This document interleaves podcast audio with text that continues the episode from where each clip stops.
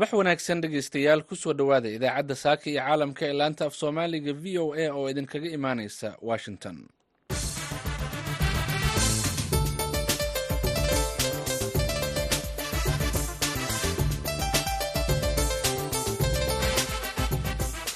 Aroor wanaagsan meel kasta oo aad joogtaan waa subax sabti ah saddexda bisha febraayo ee sannadka labada kun afar iyo labaatanka waxaad naga dhagaysanaysaan mawjadaha gaagaaban ee lix iyo tobanka iyo sagaal iyo tobanka mitriban efemyada magaalooyinka geeska afrika qaar iyo bogga aan internetka ku leenahay ee v o a somaali com. Saacadda afrikada bari waa lixdii iyo barkii aroornimo idaacadda saaka iyo caalamkana waxaa idinla socodsiinaya anigoo ah nuur xasan nuur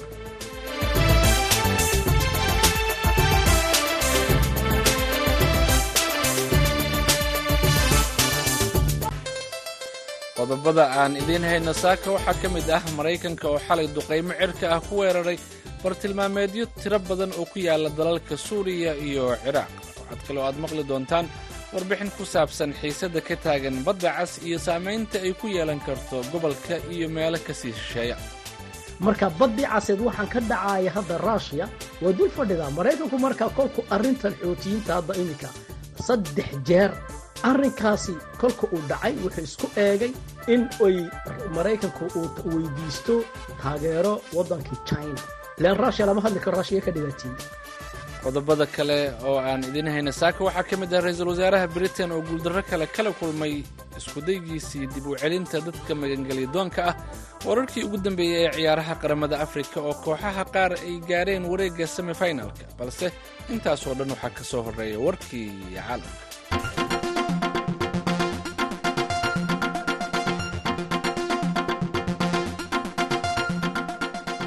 militariga maraykanka ayaa xalay duqaymo dhanka cirka ah ku beegsaday tobnaan bartilmaameed oo ku yaalla gudaha suuriya iyo ciraaq oo u badnaa saldhigyo ay leeyihiin ciidamada ilaalada kacaanka iiraan iyo maleeshiyaad ay taageerto dowladda iiraan. Weerarkaasi ayuu maraykanka uga argudanayay duqayn loo adeegsaday diyaaradaha dhulka laga hago oo axaddi la soo dhaafay lagu weeraray saldhig qarsoodi ah oo uu militariga maraykanka ku leeyahay dalka urdun meel u dhow xadka suuriya weerarkaasi ayaa lagu dilay saddex askari oo maraykan ah laguna dhaawacay in ka badan afartan kale. Duqayntii cuslayd ee ay ciidamada maraykanka xalay fuliyeen ayaa lala beegsaday in ka badan shan iyo siddeetan bartilmaameed oo ay ku jireen xarumaha taliska mukhaabaraadka kaydka diyaaradaha droniska ee dhulka laga hago xarumaha rasaasta qaybaha gantaalada iyo xarumo kale oo ay adeegsanayeen. Maleeshiyaadka hubaysan ee taageerada ka hela dowladda iiraan iyo ciidamada ilaalada kacaanka ee iiraan sida lagu sheegay bayaan ka soo baxay taliska ciidamada maraykanka madaxweynaha maraykanka jo biden oo duqeymahani ka hadlay ayaa bayaan uu soo saaray ku caddeeyey inay jiri doonaan duqeymo kale oo cirka ah oo la fulin doono saraakiisha ciidamada maraykanka ma aysan sheegin ilaa iyo hadda in weeraradaasi ay dad ku dileen iyo in kale. Ciidamada israa'iil ayaa jimcihii shalay duqeeyey nawaaxiga magaalada rafax ee xadka kaza iyo masar halkaas oo hadda noqotay xerada ugu weyn uguna dambeysa ee ay isugu tageen. Inta badan dadka ku go'doonsan marinka kaza boqolaal kun oo ay soo barakiciyeen duqeynta iyo dagaalka israa'iil ee kaza oo falastiiniyiin ah oo ku sugan xadka ayaa aad uga cabsi qaba weerar iyo duqeymo uga yimaada israa'iil xilli aysan jirin meel kale oo ay u cararaan. Wasiirka difaaca israa'iil yowaaf galant ayaa khamiistii sheegay in ciidankiisu ay hadda ciribtiri doonaan. Wax uu ku sheegay canaasir argagixiso ah oo ku sugan rafax. In ka badan kala bar shacabka kaza oo lagu qiyaaso laba milyan iyo saddex boqol oo kun oo qof ayaa hadda waxa ay yihiin hoy la'aan waxaana intooda badan ay isugu tageen deegaanka rafax oo ku yaalla xadka masar. Tan iyo markii uu bilowday dagaalka israa'iil ay ku qaaday kaza saraakiisha caafimaadka ee kaza ayaa sheegay in ciidanka israa'iil ay dileen in ka badan toddoba iyo labaatan kun oo falastiiniyiin ah. Boqol laba iyo toban ka mid ah dadkaasi ayaa la dilay afar iyo labaatankii saacee la soo dhaafay garabka hubaysan ee xamaas ayaa isna jimcihii shalay sheegay in dagaal ka dhacay galbeedka kaza ay ku dileen shan iyo toban askari oo israa'iiliyiin ah. Israa'iil welima aysan xaqiijinin arrintaasi. Laakiin israa'iil horey waxay u xaqiijisay in dagaalka kaza ilaa iyo hadda looga dilay in ka badan laba boqol oo askari. Dhegeystayaal warka caalamka intaa ayuu nagaga dhan yahay balse u diyaar garooba qeybaha inooga haray idaacaddeenna saaka iyo caalamka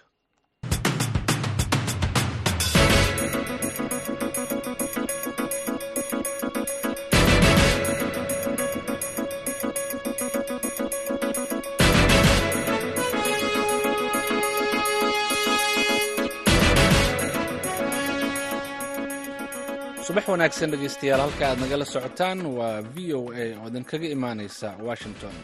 Sidii aad warkeennaba ku maqasheen militariga maraykanka ayaa xalay duqeymo dhanka cirka ah ku beegsaday tobannaan bartilmaameed oo ku yaalla gudaha suuriya iyo ciraaq oo u badnaa saldhigyo ay leeyihiin ciidamada ilaalada kacaanka iiraan iyo maleeshiyaad ay taageerto dowladda iiraan. War ka soo baxay maraykanka ayaa lagu sheegay in weerarkaasi looga aargudanayo duqeyn loo adeegsaday diyaaradaha dhulka laga hago oo axaddii la soo dhaafay lagu weeraray saldhig qarsoodi ah oo uu militariga maraykanka uu ku leeyahay urdun weerarkaas oo lagu dilay saddex askari afartan kalena lagu dhaawacay. Militariga maraykanka waxa ay sheegeen in duqeyntaasi ay xalay fuliyeen oo laga fuliyey bartilmaameedyo ku yaalla suuriya iyo ciraaq ay ahaayeen in ka badan shan iyo siddeetan duqeyn. Dhegeystayaal wixii warar ah oo ku soo kordha weerarkaasi waxaad ku maqli doontaan idaacadaheena soo socda.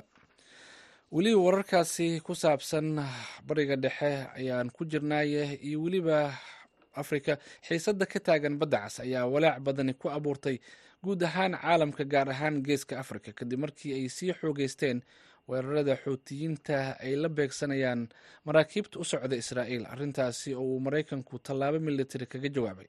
Tallaabooyinka militari ay qaadeen maraykanka iyo britain ayaa laga cabsi qabaa inay abuurto dagaal ka dhan ah iiraan oo xuutiyiintana taageero ka hel iiraan oo taageerta xuutiyiinta waxaa sidoo kale dhici karta in ruushka oo ay xulafo yihiin iiraan ay ku biiraan dagaalka. Warbixin arrintaasi ku saabsan waxaa inoo haya xuseen barre aadan dalalka reer galbeedka ayaa inta badan ku eedeeya iiraan inay hubka iyo farsamadaba ka taageerto xuutiyiinta iyada oo khubaradu ay tilmaamayaan in hubkaasi lagu farsameeyo ruushka iyo iiraan.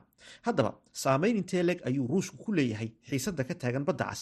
Waxaa arrintaasi sharaxaya yuusuf jaamac faarax oo ah aqoon-yahan ka faallooda arrimaha siyaasadda kuna sugan dalka britain. Sidaan ogsoonnahayba waddankan iiraan iyo waxaa la idhaha ubadkiisa waa xuutiyiinta waa xisbullah waxa weeyaan xamaas ku dar jihaadu islaami ku dar.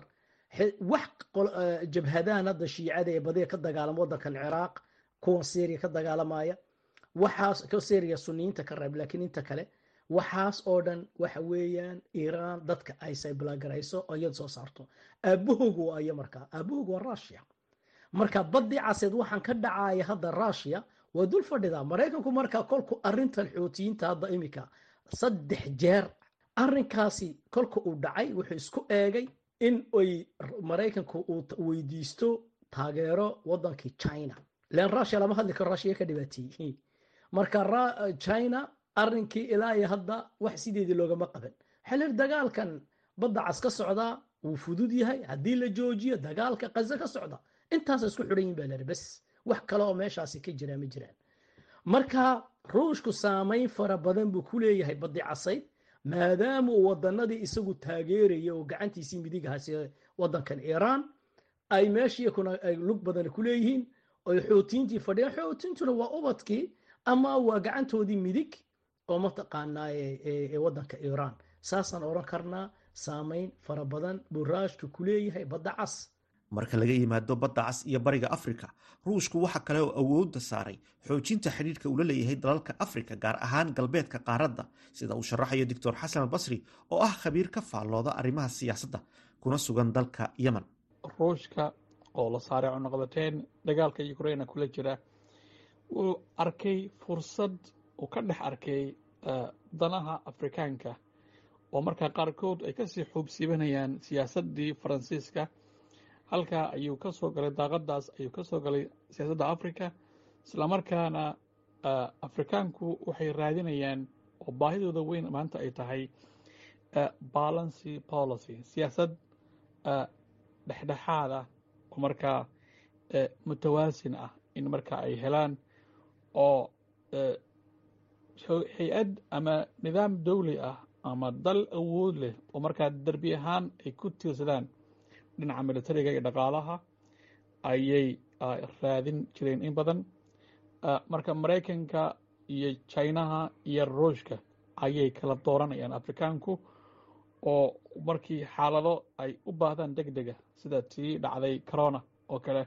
Marka baahidaas iyo mid lamida marka ay ka cararayaan afrikaanku hadda ayay sii qorsheynayaan inay marka dal awood leh oo sida ruushka iyo china oo kale gaar ahaana ruushka hadda ay kula jiraan heshiiska inay markaa ay ay la heshiiyaan ruushka si mustaqbalka dhow ay arrimaha iyo baahidaas loo daboolo. Warbixintaasina waxaa inoo diyaariyey wariyaha v o e da xuseen barre aadan oo washington jooga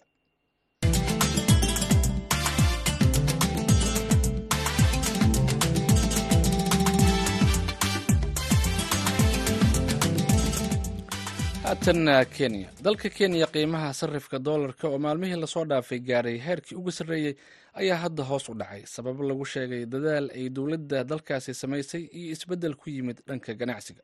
Warbixintan waxaa nairobi ka soo dirtay intisaar saalax sarifka qiimaha doolarka dalka kenya oo gaaray maalmihii u dambeeyey halkii ugu sarreysay abid ayaa hoos u soo dhacay iyadoo dowladda kenya ay horey u sheegtay inay wax ka qabanayso sare u kaca sarifka doolarka oo saameeyey nolosha qoysas badan oo danyar ah.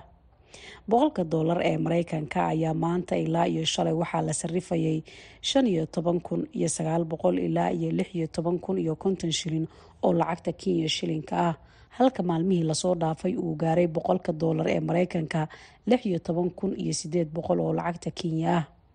Xogayaha guddiga ganacsatada islii cumar ibraahim ayaan wax ka weydiiyey isbeddelka ku yimid qiimaha sarifka doolarka saddexdan beri la soo dhaafay doolarka xoogaho isbeddel ayaa ku dhacay boqol lixdan iyo sideed u ahaa. Haddana boqol lixdan iyo shalay maanta camal boqol konton iyo sideed maanta boqol konton iyo sideed u ahaa marka waxaan is leeyahay doolarkan hoos aadaya isbeddel badan ayuu ku keenaya ganacsiga iyo maarata alabadeecada beecooda inuu hoos u soo dhaco maciishadana wax iska bedelaan arintaasna waxaa is leeyahay dowladda mar badanna waa laga codsaday breshar badan waa lagu saaray yacnaha in doolarka la xakameeyo. Marka waxaan is leeyahay tilaabo oo dowladda maarata doolarka inay ku xakamayso ugu talagashay oo si badcadda ay u raqiis noqoto arrimahaas ayay maarata dowladdan waxaan is leeyahay waxbay ka qabanaysaa. Haddana waxaan rajeynaya inuu doolarka hoos aado. Sababto og tahay doolarkan ayaa wax walba badcada kasta wax kasta isagaa control. Haddii doolarku cirka sii aado oo shilinka qiimo beelo badacadii qiimihii lagu soo iibsan jiray qiimihii aada u kordhaya lama gadan karo. Wax maarata qiimihii dadka waxay iibsan kareen ma iibsan karaan. Dalabkii wixii qiimihii lagu soo gaday waa isbedela ku dhacay marka waxaan is leeyahay doolarkan hadduu hoos soo aado maciishada iyo dhaqaalaha wadanka iyo wax badana iska bedelaya saasaan rajeynayna marka waxaan is leeyahay dowladda shaqo fiican haddii ay howshaas hadda ku jirtana waxaan leenahay waa ku dhiirigelinayna inay maarata doolarka xakamayso doolarkan wax ka qabato wax maarata isbedelkaas ganacsigana u fiican wadankana u fiican wadanka yacnaha dhaqaalihiisna saasuu ku kobcaya dadkana markaas ay waxay iibsan karaan oo maciishada waxa isbeddel ku imaan kara marka waxaan is leeyahay doolarka hoos aaday waa astaan wanaagsan oo isleenahay ganacsatada iyo dadka wadanka iyo dhammaan shacabka maarata faa'iido uga jirtaan is leeyahay sidoo kale xogayaha guddiga ganacsatada islii cumar ibraahim ayaa waxa uu sheegayaa in xilligan dalka shiinaha uu yahay xilliga ay gelayaan sanadka cusub. Taasina ay lafteeda qeyb ka tahay inuu hoos u dhac ku yimaado sarifka doolarka maadaama ganacsatada kenya ay inta badan wax ka dalbadaan dalka shiinaha. Horta wax badan baa iskaashaday waxaa ka mid ah horta china new year. Hadda waxaa la galayaa xilligii china uu galayay new yeargiisa oo bishii labaad bilaabatay marka wixii hadda kadiba dalabkii badnaa oo jina loo diri jiray ilaa jinaha ay ka baxaan xilliga sanadka cusub oo ku aadan bisha labaad ilaa laga baxayo ordarkii baa yaraanaya marka lacagihii baahidii badneed oo doolarka loo qabay badnaa oo jina loo diri jiray ayaa sii yaraanaya taasna waxay ku keenaysaa marka in baahidoolar rabitaanka doolarka ay dadka markuu yaraado oo dadkii ay doolarka nin kasta waa raba waa rabaadii ay yaraato in qiimaha hoos u dhaco intisaar saalax xuseen v o a nairobi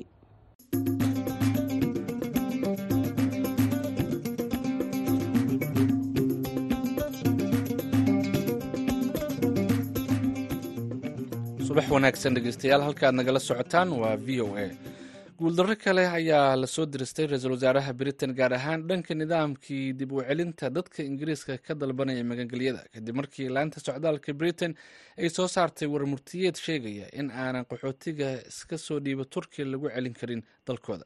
Arrintan ayay laanta socdaalka britain ku sheegtay in dadka wadankaasi lagu celiyo naftooda ay khatar geli karto.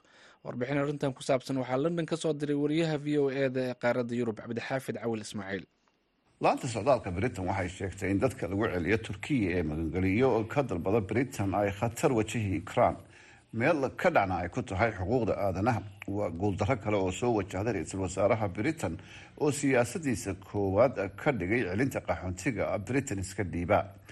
Turkiya inkastoo uu ka mid yahay waddamada hore u maray caalamka haddana qaxoonti badan oo dalkaasi iska soo dhiiba ayaa soo gaadha britain iyo yuruba arrinkan laanta socdaalka britain sheegtay in aanay qaxoontiga iska soo dhiiba turkiya lagu celin karin dalkaasi. Saameyn intee leeg ayuu ku yeelanayaa nidaamkii celiska qaxoontiga dowladda.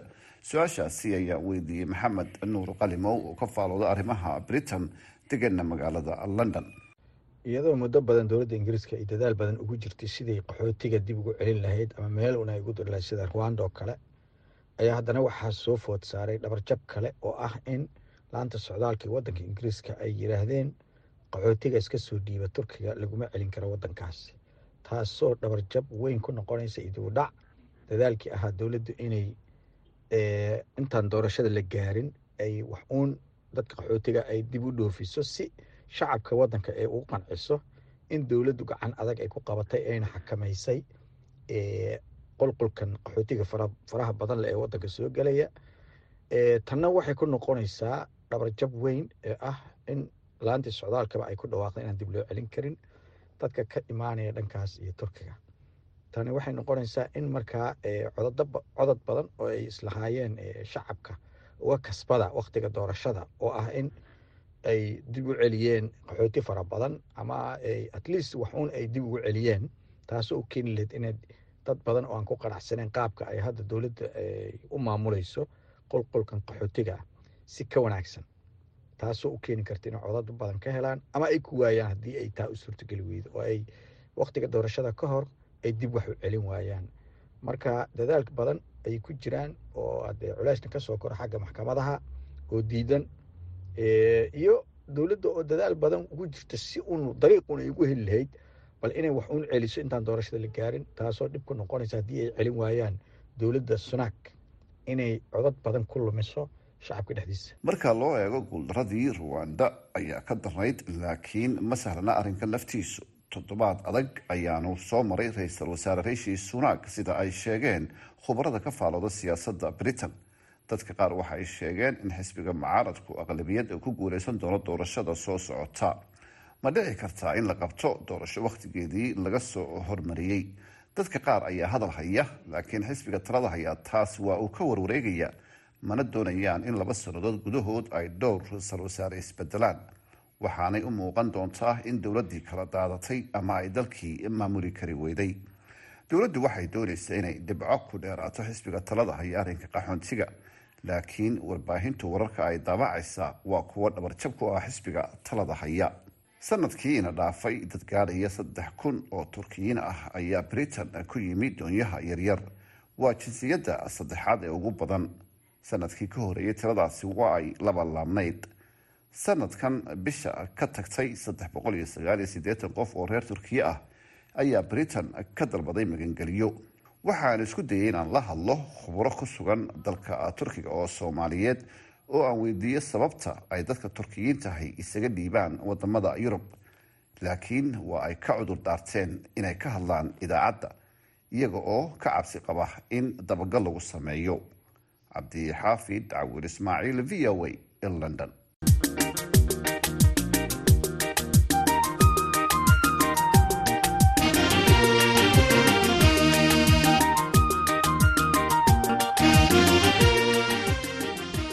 Wararkii ciyaaraha iyo heesihii dabacsanaa ayaa inoo soo socda balse markan canada guddiga maamula iskuullada magaalada toronto ee dalka canada ayaa wada qorshe lagu xakameynayo isticmaalka taleefanada xilliga ardada ay ku guda jiraan waxbarashada. Magaalada toronto waxaa degan soomaalida ugu badan canada marka loo eego magaalooyinka kale waxaana ay ka mid yihiin ardayda wax ka barta iskuullada toronto. Warbixintan waxaa toronto ka soo diray wariyaheena xuseen nuur xaaji. Guddiga waxbarashada iskuullada toronto oo loo soo gaabiyo t d s b ayaa kulankoodii arbacadii ku ansixiyey siyaasad cusub oo lagu wajahayo isticmaalka taleefanada ardayda xilliga ay waxbaranayaan madaxa guddiga iskuullada toronto rachel shernos ayaa bishii hore mooshin ku saabsan siyaasad u dejinta isticmaalka taleefanada ardayda geysay golaha iskuullada kuwaasoo hadda ansixiyey in la helo siyaasad lagu wajahayo arrinkan. Guddiga ayaa tallaabada xigta ee hadda qaadayaan ah sidii ay u dhaqangelin lahaayeen siyaasad adag oo ku saabsan isticmaalka taleefanada xilliga ardaydu ay ku guda jiraan waxbarashadooda kaasoo dhaqangelaya sanadka dambe guddiga iskuullada toronto ayaa ah kan ugu weyn kanada waana kan ay dhigtaan dadyooga ugu badan ee meelo kala duwan ka soo jeeda. Waxay maamulaan shan boqol laba iyo siddeetan iskuul oo ay dhigtaan qiyaas ahaan laba boqol shan iyo soddon kun oo arday.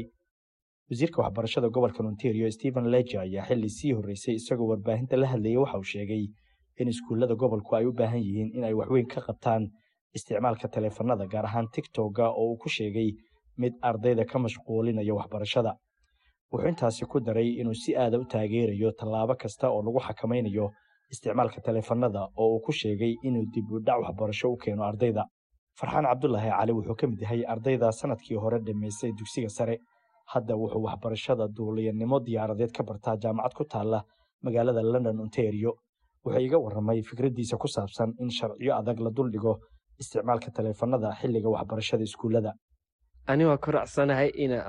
taleefanada la mamnuuco because taleefanada waxaa ku jiro waxyaabo badan oo waxbarashada dadka mashquuli karo sida tiktok iyo youtube camal iyo facebook ama ama like abab kalaba.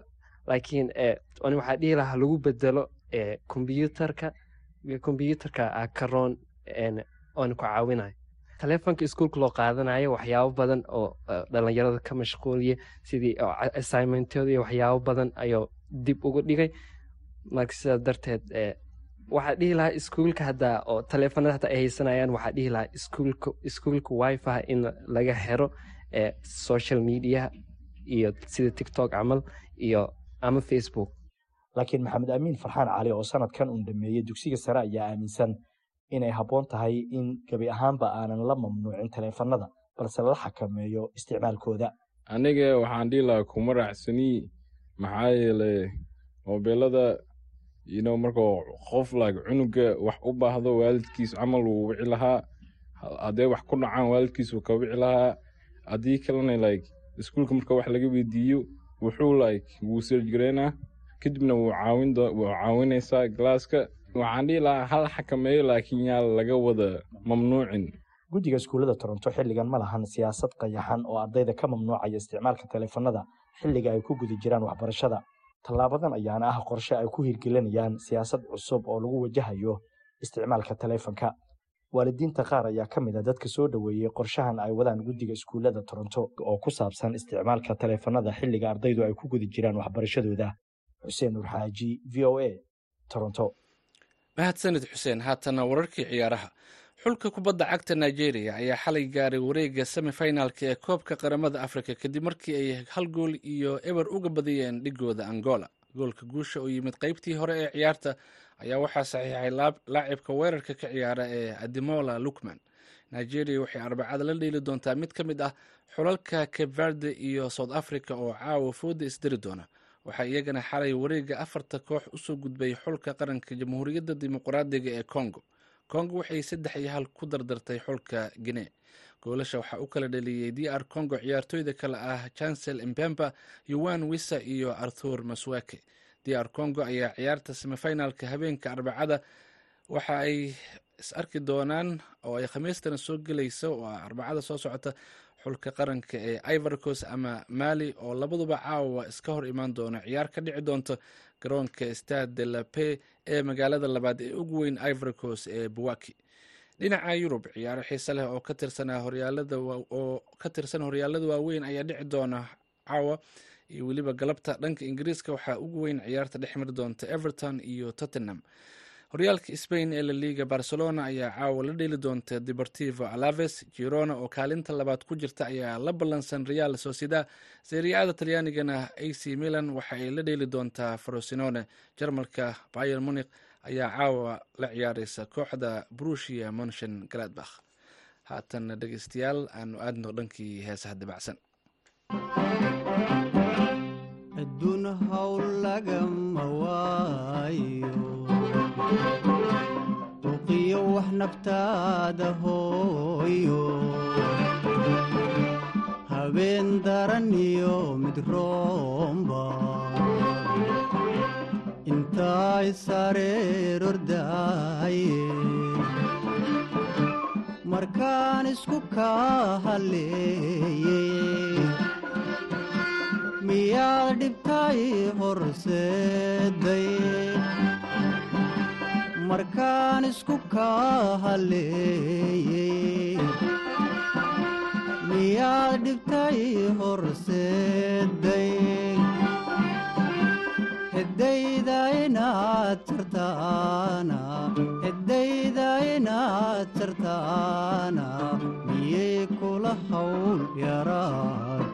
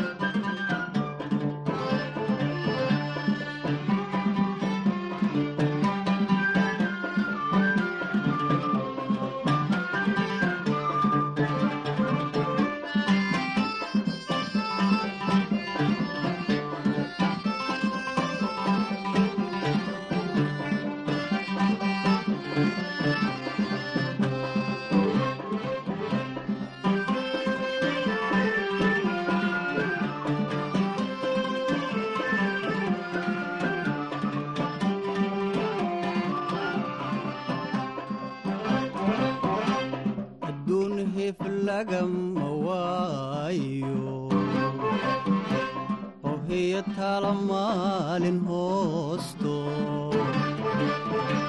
hirdoogliyo halas abaara heshiinna ishaybinaaye markaan isku kaa miyaa dhibtay horseeday markaan isku kaa haleeyey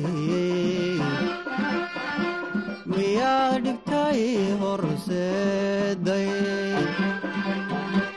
Heddayda inaad jartaana heddayda inaad jartaana miyay kula hawl yaraatay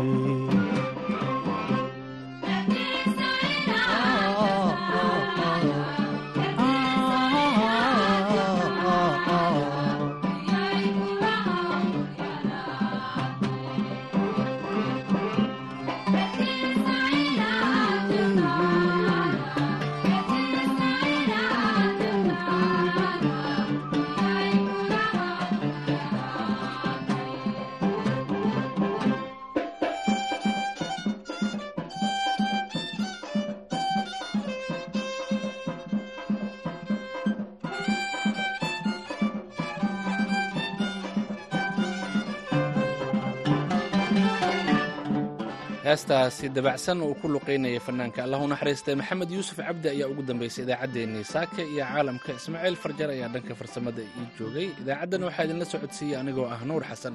Tan iyo kulanti dambene sidaa iyo nabadgelyo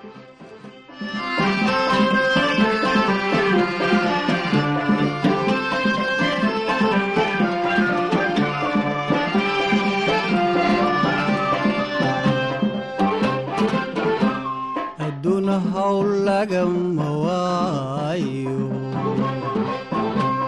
uqiyo wax naftaada hooyo. Habeen daran iyo mid roomba. Intaay sareerordaaye markaan isku kaa haleeyey dhibtay horseeday markaan isku kaa haleeyey